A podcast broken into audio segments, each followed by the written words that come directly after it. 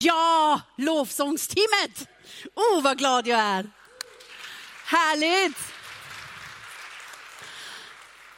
Och välkommen hit på typ, vad säger man, första dagen av den här veckan som vi ser fram emot till uppståndelse. Woo! När lovsången är redan nu så här, då bara bubbla, bubbla, bubbla, bubbla, eller hur? Underbart! Tack Johan att du läste redan genom min predikotext. Det ger mig två och ett halvt minuter mer tid. Men kom ni ihåg den eller har ni, har ni glömt vad det handlar om? Det är när Jesus var på väg till Jerusalem. Och ni vet den texten, han hann inte ens in i staden.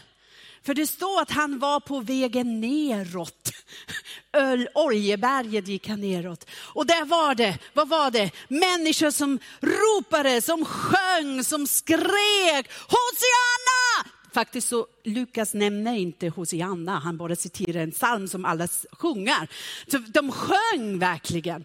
Och så var det palmkvistar eller andra kvistar och så var det mantlar på, på, vad säger man, på marken och mantlar på åsnan. Ja, ett åsna var det också, faktiskt en föl av en åsna. Och så var det också folk som stötte sig, typ som alltid. Det är alltid när någonting händer så har alla en åsikt om vad som händer, eller hur? Och så sa de också åt Jesus, nej, nej, nej, nej, nej, det här, alltså lugna er ner nu lite grann. Men vad sa Jesus då? Haha, om de inte sjunga, de sjunger rock'n'rolls. De sjunger stenarna. Ja, the Rolling Stones and the rock'n'rolls, alla sjunga! Och så avslutar vi texten med någonting som är inte så glad och uppbyggande men med en passage där det faktiskt är, okej, okay, varför fanns det ännu mitt? Men det kommer jag till lite, i en liten tid. Grejen var så här, när Jesus red in i Jerusalem, då betydde det, tror jag, olika saker för olika människor som vi mötte där i den här berättelsen. Och jag tror faktiskt även för Jesus hade det en stor betydelse. För han var det typ den här officiella presentationen att nu rider jag in som kung, som Messias. Jag tror för honom var det verkligen det här medvetande att nu började, om några dagar, då började varför jag kom hit på jorden. Mitt uppdrag för att rädda hela världen. Och det är lite lustigt för ofta när vi läser att Jesus helade någon eller hjälpte någon så sa han till dem, berätta inte om det. Gå inte runt. De gjorde det ju ändå. Men han sa det varför? För han visste att tiden var inte inne än. Men här, okej, okay. här sa Jesus, okej, okay, nu är jag beredd. Nu gäller det. Och så låter han det ske att de bara ropade och massan bara firade honom. Det var Jesus. Han kom dit och vet ni egentligen, han visste ju också det som skulle hända i slutet av veckan. Han visste det att han skulle bli arresterad, fängslad, foltrat, slagen, spottat på, korsfästet. Konstig känsla måste det ha varit för honom, eller hur? Att komma in där. Och så var det de tolv lärjungar och massor med andra efterföljare.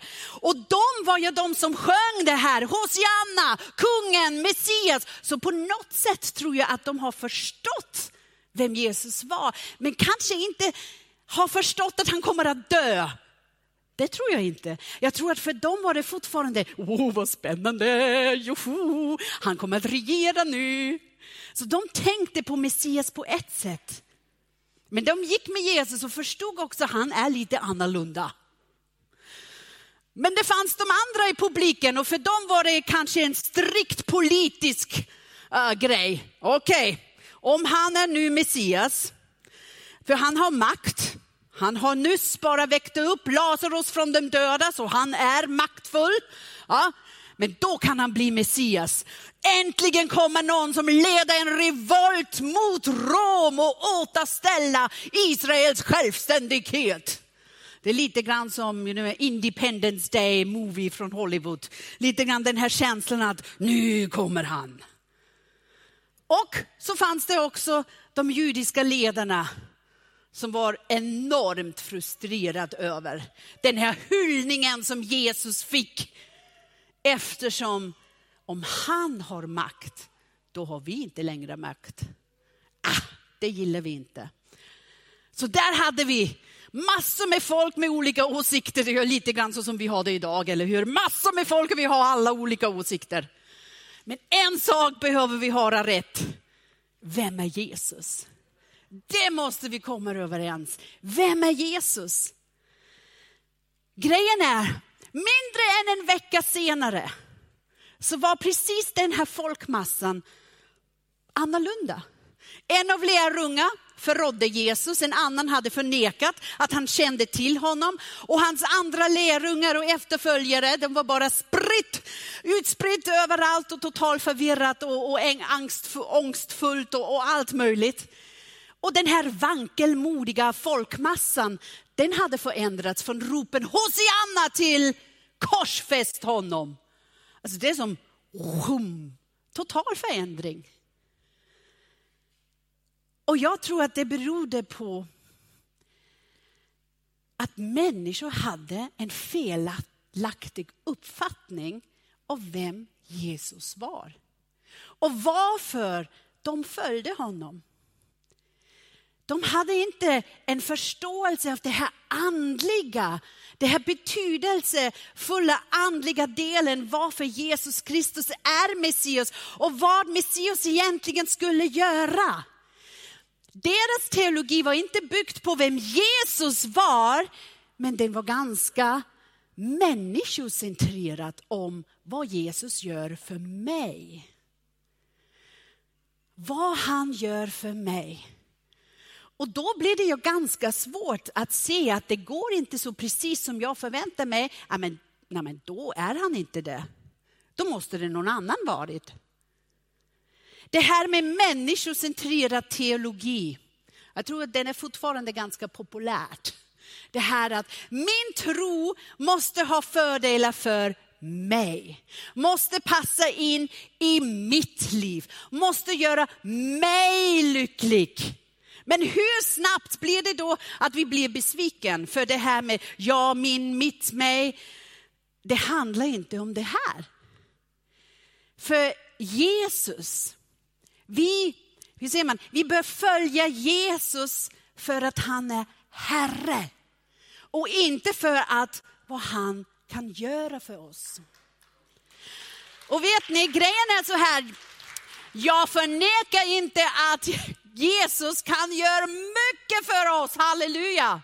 Han gör det om och om igen. Och det kunde man också läsa i alla evangelien, massor med saker han gjorde för människor. Men han sa aldrig följ mig på grund av jag helade dig. Följ mig på grund av att jag är Herre.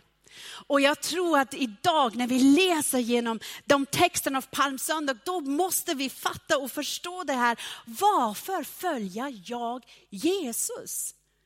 Är det på grund av vem han är? Eller är det på grund av att jag gillar bara vad han gör med mig och med andra?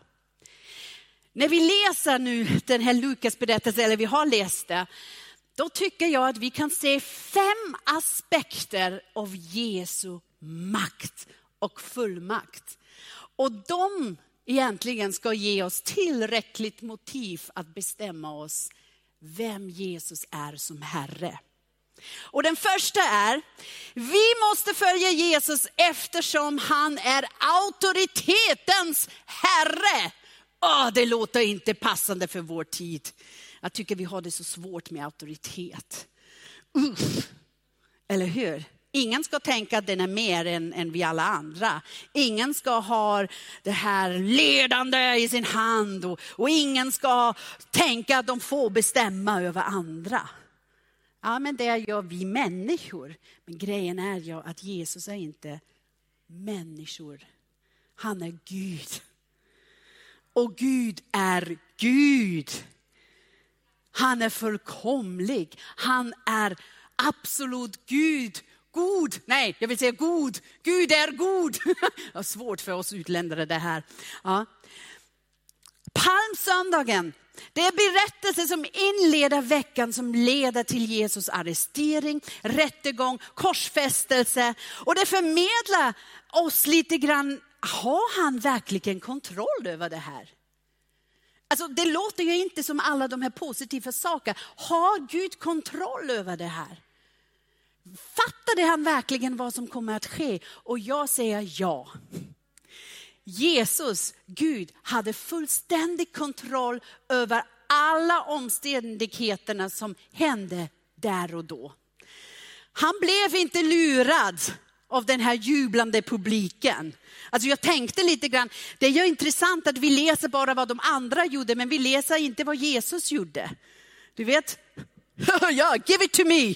Lite mer, lite högre där. Ja, just det, mig, jag kommer som kungen. I mean, lite Zlatan-karaktär eller sådär. Det hade inte Jesus. Du vet, han var tyst på den här åsnan.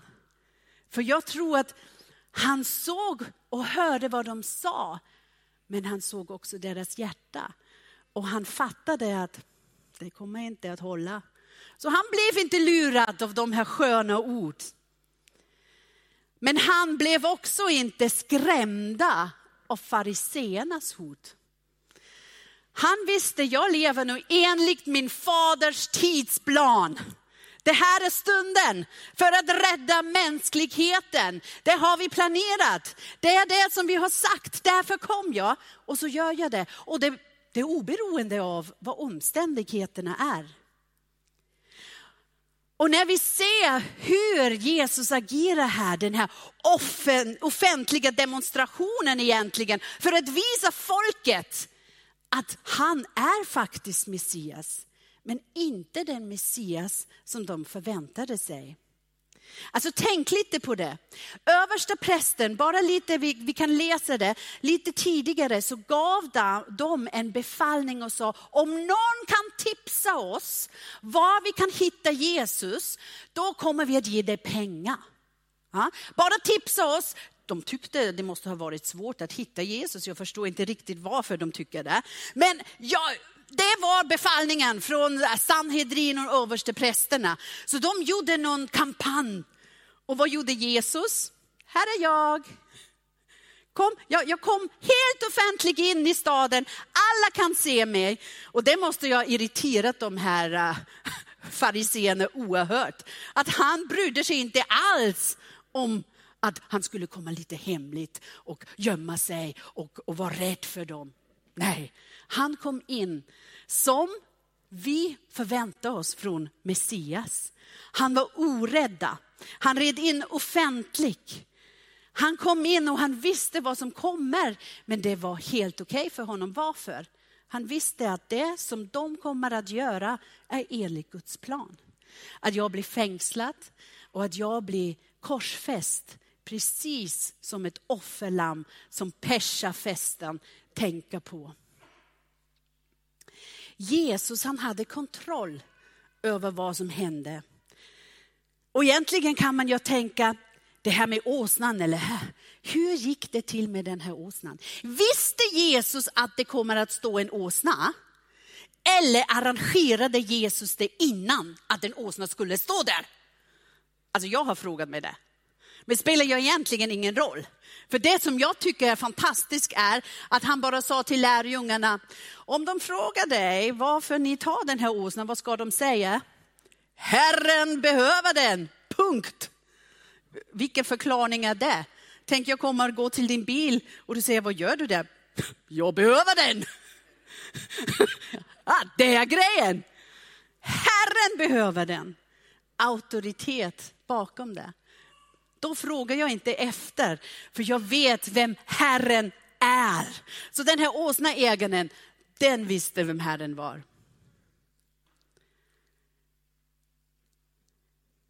Jesus, när han förråddes, när han fängslades, när han korsfästes, när han dog. Det skedde inte på grund av att han utvalde en fel lärjunge som var illojal.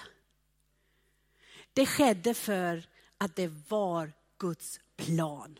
Det var egen initiativ av Jesus att komma och att gå hela vägen till korset.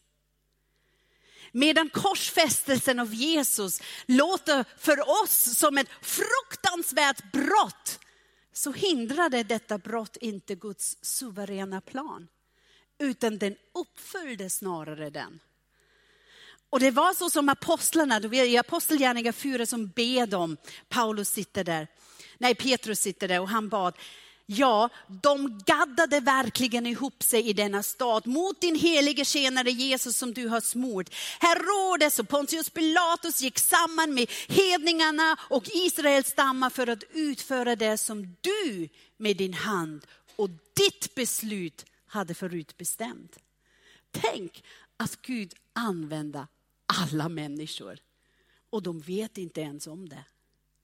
Ingenting och ingen kan hindra Guds avsikt. Och antingen kan du villigt underordna dig honom nu och bli välsignad, eller så kommer du att bli tvungen en dag, faktiskt det står i Bibeln, på domedagen, där alla kommer och behöver böja knä framför honom. Men om du inte blev en efterföljare här på jorden, då står det faktiskt att Gud kommer att säga, jag känner inte dig. Och det är lite grann det här ah, som jag blir påmind när jag läser den här texten. Känna mig Gud. Känna Gud mig. Känna han mig. För jag vill följa honom, inte på grund av vad han gör, men för vem han är. Och jag måste säga, han är auktoritetens herre. Full med auktoritet och det måste jag bekänna. Det andra är, vi måste följa Jesus eftersom han är skapelsens herre.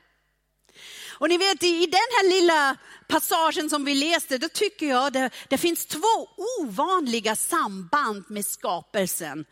Där Gud, eh, Jesus använder sig av skapelsen, inte så som vi skulle ha gjort det. Det ena är ju faktum att han rider in på en åsna. Alltså come on Jesus, en åsna. Det är lite så jag vet inte, att köra en skåda. Jag kör en skåda och jag älskar den kan jag säga. Okay? Men hallå, skulle jag kunna finnas lite mer passande om du vill nu att de känner till dig. Då kommer det en åsna. Och så var det även en obruten åsna. Alltså jag är inte en riddare, men jag vet att man inte klättrar på ett obrutet häst eller åsnan och förväntar sig att det här blir en jättemusik skonsam tur. Alltså jag har sett tillräckligt med många Wild West movies. Att man vet, man sätter sig upp, upp där och så har man fem sekunder tills man biter dust. Okay? Men Jesus, han gjorde det. Varför gjorde han det? På en oanvänd åsnaföl. För det det visar oss, tror jag, någonting i det här förundransvärda relation som han hade till skapelsen. Han är skapelsens herre. Skapelsen som han hade verkligen skapat med sina egna ord. Och ni vet, det fanns också en jättetydlig betydelse, för faktum var så här, i gamla testamentet, om ett djur skulle komma in till templet och, och vara använt för helig bruk, måste det vara ett djur som inte redan hade använts för allmänna ändamål. Det skulle ha varit en som bara används för Guds ändamål. Och här kommer Messias. Så han behövde använda ett djur som ingen annan har använt. Och åsnan, den fattade det här. Oh, vilken ära! Messias rider på min rygg. Och det andra som jag tycker är även roligare, det här, det här med stenarna. När några fariseer säger till Jesus faktiskt, Mästare, säg åt dina lärjungar men vad ska de säga åt? Har ni tänkt på det? De säger ju inte vad han ska säga, men Jesus visste jag. Först, alla de här psalmerna som de sjöng, det var ju Alltså det var ju psalmerna som man sjöng när man gick till tempeln för att fira och att vänta på Messiasen.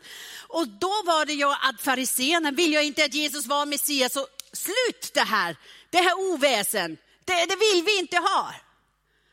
Och så sa Jesus bara, ha. Men jag säger är, om de tigar kommer stenarna att ropa. Skapelsen följa Jesus. Även de för oss döda stenar, alltså vi tror ju inte på att stenar, alltså, om ett djur, om ett osna plötsligt skulle ha sagt Hosianna, okej, okay, den har en röst och det läser vi faktiskt i gamla testamentet att det fanns en osna som talade. Ha, spännande historia, det ska ni läsa efter. Mm. Men en sten, hallå, ingen liv, tycker vi. Ingen liv. Men då säger Gud faktiskt att Jesus säger här till oss, om ni inte prisar mig, då kommer naturen att göra det. För i allt som jag har skapat ligger en sanning inom dem att jag är skapelsens Herre. Och att de finns till för att ge mig ära. Vet ni, och det är ju helt fantastiskt om vi tänker det. Att allt som Gud skapade är till för att ge honom ära. I allt som han skapade finns den här frön av sanningen att man fattar att vi behöver Gud.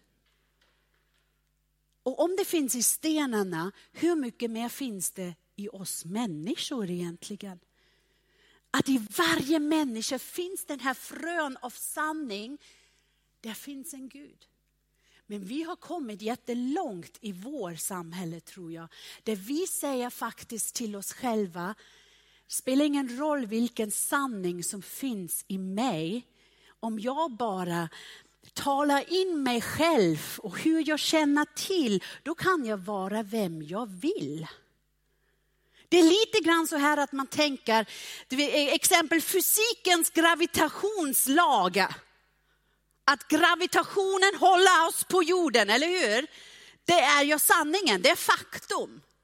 Det är inte så att vi kan säga, jag tror inte längre på gravitationen, nu kommer jag att flyga. Det är en inbyggd faktum. Och jag tror lite grann att så är det också med oss människor. Det här att vi plötsligt beslutar att vi inte tror längre på sanningen ändrar inte vad Gud har skapat oss till. Lite grann så här, vårt samhälle är övertygat om att, att den kan ändra sanningen av könsidentitet eller skapelsens orda. Vi bara måste vara övertygade och ha rätt propaganda för allt det här. Och då blir det av.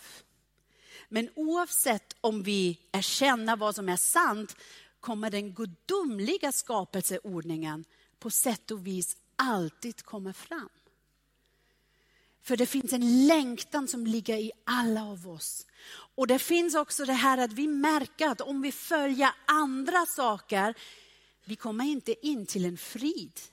Vi kommer inte in till att, att vi kan älska oss själv som Gud älskar oss. Det blir så mycket förvirring. Det blir så mycket sårande. Vi behöver verkligen vara, hur säger man, observant. Vad är det i vårt liv som vi bara tycker det ska vara så, som har gått bort från hur Gud har skapat oss. Och verkligen be Gud, du är skapelsens Herre upprätta i mig sanningen. Upprätta i mig att se mig så som du ser mig. Om Jesus är den allsmäktige skaparen så borde vi verkligen följa honom, för du vet, då känns det trygg. Fölen, den tog emot Jesus utan att bry sig mycket och visste det här, det här är lugnt, jag kan gå i frid lydig och mild. Stenarna, de är beredda att vittna vem Jesus är. Men Jesus kom till sitt eget folk och de tog inte emot honom, utan bortstötte honom. Men om du vill ha en tro som består så måste vi böja oss inför Herren som är skapelsens Herre. Och i Johannes kapitel 1, de första fem verserna, de är så starka, precis med den här tanken. Det står, i begynnelsen var ordet och ordet var Jesus. Och ordet var hos Gud och ordet var Gud. Han var i begynnelsen hos Gud och allt blev till genom honom och utom honom blev ingenting till av det som är till. I honom var liv och livet är människornas ljus och ljuset lyser i mörkret och mörkret har inte övervunnit det. Vi är inte här som ett resultat av slumpmässig slump plus miljarder år av evolution. Gud skapade oss. Han har ett syfte med ditt liv. Både i nutiden och i evigheten. Så Jesus är auktoritetens Herre och Jesus är skapelsens Herre. Och den här texten visar oss även mer. Vi måste följa Jesus eftersom han är profetians Herre. I den här korta texten finns många profetiska uppfyllelser med gamla testamentet. Det är så spännande. Alltså man kan verkligen köpa böcker och se vilka profetior har Jesus uppfyllt som fanns i gamla testamentet. En av dem har jag redan nämnt. Psalm 118, det är som ett lovsång som israeliterna sjöng varje gång de gick upp till Jerusalem för att fira äh, Jesus, nej det gjorde de inte, för att fira högtiderna. Och den sjöng de och det är en totalt messianisk psalm. De väntar på Messias. Så vad de gjorde där i det här psalmen 118 så står det faktiskt Hosianna, Hosianna. Men de ropade detta är dagen som Herren har gjort. Låt oss jubla och glädjas idag. O Herre fräls, o Herre ge framgång. Välsignad är han som kommer i Herrens namn.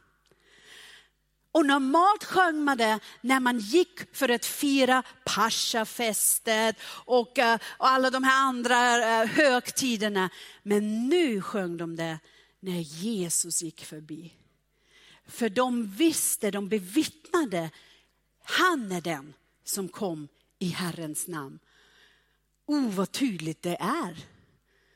Att man använder sig av Hosianna, kom och rädda till Messiasen. Och det andra till exempel var i Sakarja 9, vers 9. Då står det så här.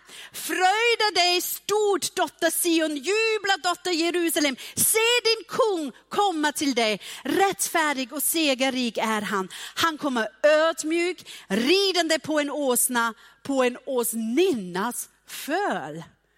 Alltså hur mycket mer detaljerat kunde det gå egentligen? Det är han som kommer. Tänk att de som kände till gamla testamentet inte fattade det.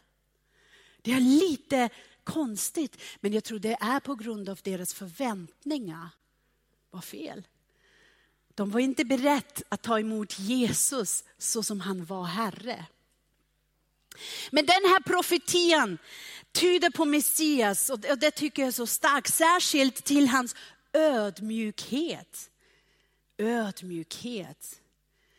Förstår vi vad det betyder ödmjukhet? Vi tänker ibland att det är lite svaghet, eller hur? Bara de som är svaga är ödmjuk, men det är kanske det som vi är van med i vårt samhälle. Men ödmjukhet, det, det är också att man, eller den uppfattningen att man tillåter någon annan att trycka ner dig. Och egentligen gjorde jag Jesus det. Han kom ödmjuk och han var beredd att ta emot straffen som en oskuldig lamm. Han var beredd för att ta det. Salomon, kung Salomon, den här stora israeliska kungen som verkligen var kung när Israel var störst. Han kom in till staden på en vit hingst. För det här symboliserar makt. Det här symboliserar styrka. Det här symboliserar seger. Och det förväntar man sig. Men en åsna, den ansågs vara bara för dem, ja, de svaga, de som är lite nera i samhället. Det är inte ett djur som man använder sig för att gå in i krig. Men det är den som Jesus väljer för att komma in. För han gör inte krig mot människor. Han kommer in för att vinna ditt hjärta. Han kommer in med frid. Han kommer in med inte för att behärska, men med ödmjukhet för att vill vara med dig. Att inse att Jesus är profetians Herre kommer att göra det möjligt för oss att hålla ut när vi kanske undrar om historien löper amok. Alltså titta på historien. Varför måste alltid allt repeteras? Det tänker jag. Varför lär vi oss inte bättre? Varför igen en krig med så mycket att man förstör och bara mörda? Varför? För vi människor, vi är inte goda i oss själva. Vi är inte herrar. Och det, I psalm 2 till exempel, man kan läsa i psalm 2, jag, jag, det är en lång psalm, jag bara parafrasar här, nej jag förkortar här. Nationerna kan rasa och jordens kungar kan rådgöra tillsammans mot Herren och hans moder. Men han som sitter i himlen skrattar åt deras obetydliga försök att underkomma hans makt. Vår Gud han är suverän. Han står över historien och leder världen enligt hans tidsplan. Men han har igen och igen gett oss profetiorna som vi kan använda oss för att lite se lite ljus i saker. Och ni vet Jesus, han gav också profetiorna när han bodde bland oss. Han sa det som kommer att komma. Vi hade ju bara nyss tre söndagar där vi hörde när Kalle predikade om Markus evangeliet de sista tiderna. Det är starkt att se att Jesus också ger oss profetier. Veckan efter påsken då kommer Thomas Dixon. Missa inte det, för han kommer att använda sig av mycket som står i Bibeln som är sagt om Israel. Jag tror att det är ganska bra att förstå och fatta vad det allt betyder. Så vi har Jesus som är auktoritetens herre, han är skapelsens herre, han är profetias herre. Och nu kommer vi till en där jag tänkte, verkligen Gud, måste jag predika om det här? För Jesus, vi vill följa Jesus också eftersom han är domens herre. För jag ville ju gärna sluta det här när de säger att om de tigar så ropar stenarna. Det är en superbra slut tycker jag. Eller hur? Yes, det är bara partystämning. Men han gick ju precis vidare. När Jesus kom närmare och såg staden så grät han över den och sade, tänk om du idag hade förstått också du vad som ger dig frid. Men nu är det dolt för dina ögon. Dagar ska drabba dig då dina fiender bygger en belägningsvall runt dig och omringar och pressar dig från alla håll. De ska slå dig och dina barn i dig till marken och inte lämna sten på sten i dig därför att du inte förstod den tid då Herren besökte dig. Huh. Här förutsäger Jesus den fruktansvärda domen som skulle komma över Jerusalem. Men lägg märke till hans reaktion. Hur gjorde han det? Han grät. Och det grekiska ordet som används här var verkligen inte bara en tåra som rann ner. Det var som en, en, en, en sorgfylld, snuftande, en vrål av ångest för vad som kommer att ske. För Gud har inte glädje i dom. Han har glädje i barmhärtighet. Han vill inte att någon ska gå under utan att alla ska komma till omvändelse. Det står att han är sent till vrede och rik på kärlek till varje syndare. Ändå så är han också rättfärdigare domaren. Så Gud är inte bara kärlek och nåd, han är också rättfärdighetens Gud som är fast i sin upprördhet mot all synd. Han kan inte tillåta synd. Hans dagar av nåd, de är här nu, men de är inte för evigt. Jerusalems nådens dag, den var snabbt över. Och det, det hände precis så som Jesus sa i de här verserna. Bara 70 efter Kristus så kom Titus, den här romerska generalen med sin armé och det skrämmande hände som förutsagt. Inte en enda sten var kvar och över den andra stenen i Jerusalem. En dag snart så kommer samma Messias återigen.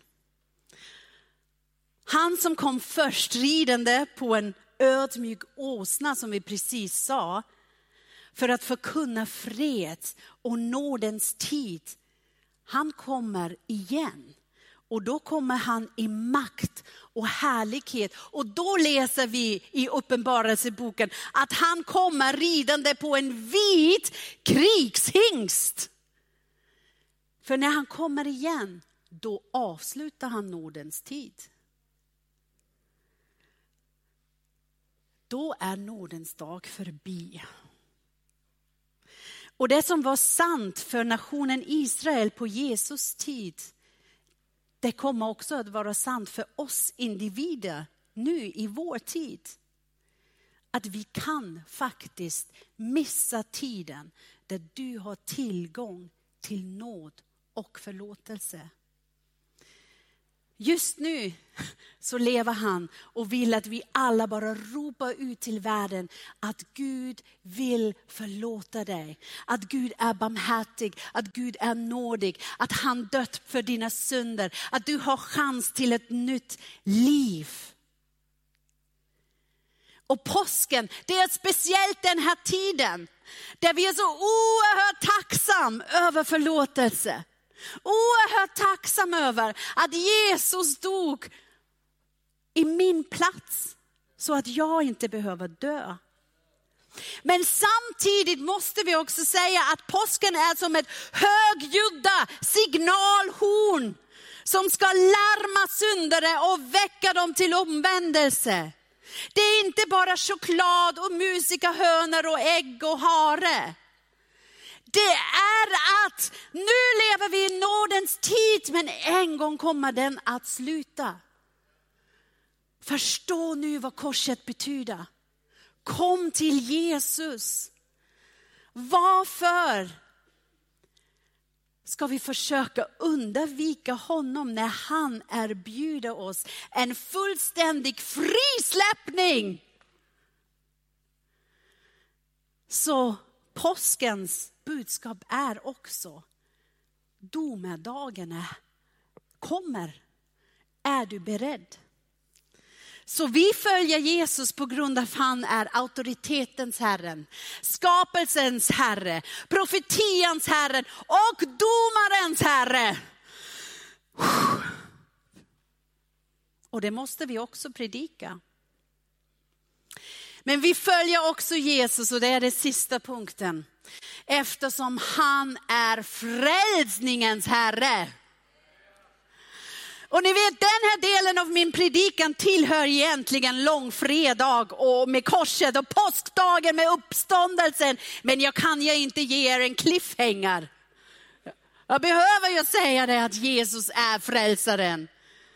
Och när Jesus kom första gången för att upprätta frid och detta inbjudan finns till förfogande till, tills han kommer igen för att döma mänskligheten. Han offrade sig som påsklammet.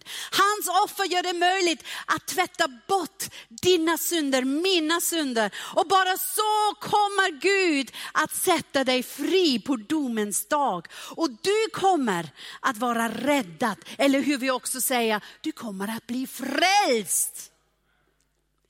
Hans erbjudande till dig är frid med Gud genom förlåtelse.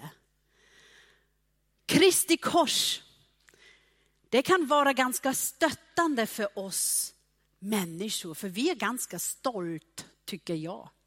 Våra hjärtan, de tycker jag att vi egentligen kan livet själv. Varför behöver vi en räddare? Jag kan rädda mig själv. Jag kan bestämma själv. Jag är tillräckligt bra, tycker jag, att mitt liv lyckas. Men grejen är, vi behöver erkänna att vi är syndare. Vi behöver erkänna att vi behöver en frälsare. Det finns lite felaktiga uppfattningar som kommer att hålla många människor borta från himmelen. Det tror jag. De är ganska lika men ändå olika. Det första tror jag att folk felaktigt tänker och förstår Gud är att Gud är så kärleksfull att han är så nådig, han kan inte skicka anständiga moraliska människor till helvetet. De tänker att det går ju inte ihop när man säger Gud är kärlek och, och så bara låter han människor gå till helvetet. Men de flesta människor kan acceptera det faktum att Gud kommer att döma dåliga människor, eller hur? Det är lite grann vi är som domare och säger, mm, du är moraliskt okej, okay, du är okej, okay. nej men du, du är dåligt. Ja, men dig kommer Gud straffa. Alltså egentligen vi tycker ju om att vara lite Gud själv. Och så har vi, vi har inte svårt att Gud skulle skicka Adolf Hitler till helvete. Eller hur? Det var faktiskt en gång att en av våra döttrar frågade på morgonen, mamma, om Adolf Hitler skulle ha bett om förlåtelse precis innan han dog, skulle han komma till himlen? Jag hade oerhört svårt.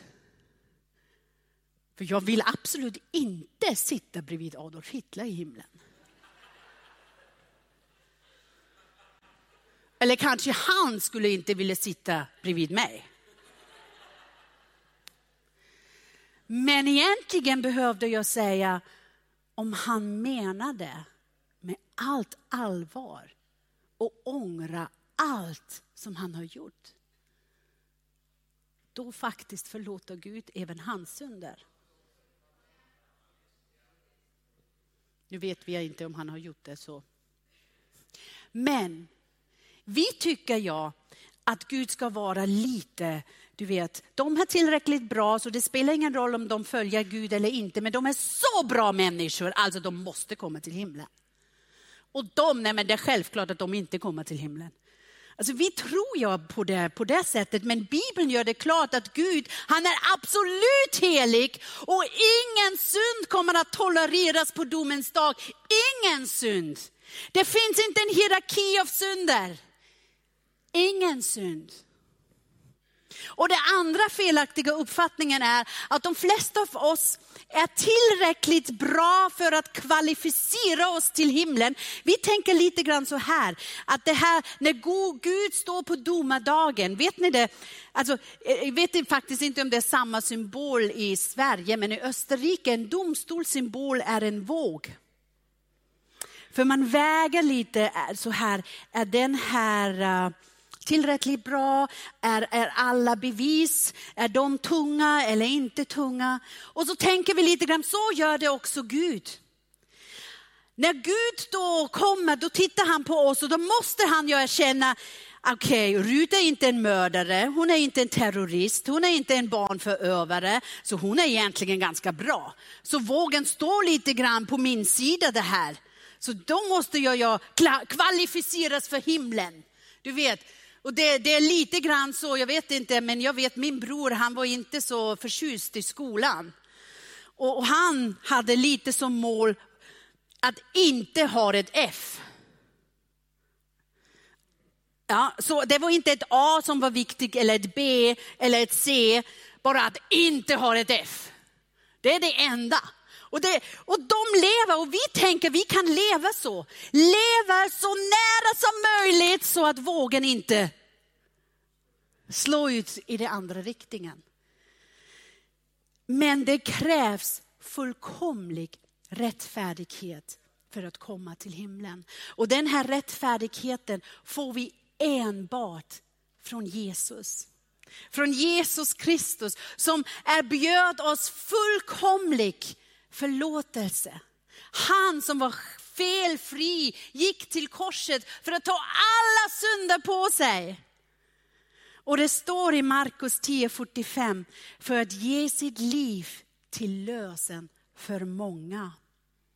Så du vet, en dag kommer du att stå inför Gud. Och antingen är du klädd i din egen godhet som kommer att vara otillräckligt. Eller du är klädd i Guds klänning i Jesu Kristi fullkomliga rättfärdighet. Och det är den rättfärdigheten som gott skrivas i ditt konto i det ögonblick du avsäger dig allt och bara säga, jag satsar på Jesus. För han är auktoritetens herre, han är skapelsens herre, han är profetians herre, han är domarens herre och han är frälsarens herre. Det bygger vi vår tro på. Så jag skulle vilja att du frågar dig själv, varför följer jag Jesus?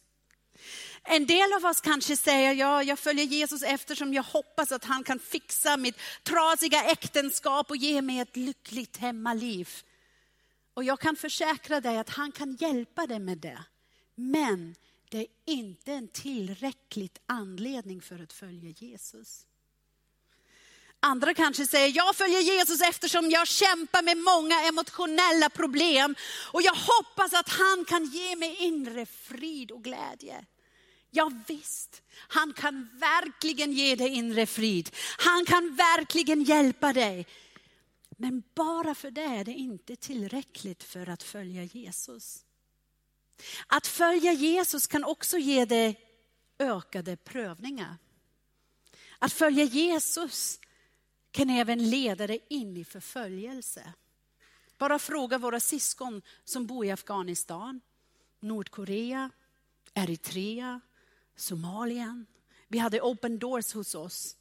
Jag vill bara repetera vad de säger. Bara i året 2021, över 360 miljoner kristna bor på platser där de upplever höga nivåer av förföljelse och diskriminering. 5898 kristna blev dödade för sin tro. 5110 kyrkor och andra kristna byggnader attackerades. 6175 troende blev fängslat utan rättegång, arresterade och dömda eller fången. Och 3829 kristna de bara försvann och bortfördes och ingen vet vad som hände till dem. Du vet, för dem skulle det aldrig räcka att följa Jesus för att lovsången är musik. Eller församlingen är snällt. Eller att man känner sig så lugnt efter en gudstjänst. Det räcker inte till. Kan vi stå upp? Den främsta anledningen till att följa Jesus är att han är Herren. Han är auktoritetens suveräna Herre, jag behöver det fortfarande, som verkar allt efter hans gudomligt beslut. Han är skapelsens Herre som skapade universum med sitt ord och som skapade dig för sitt syfte. Han är profetians Herre som i förväg har uppenbarat historiens gång i sitt ord. Och det har vi till förfogande. Han är domens Herre för vilken varje knä ska böjas på domens dag.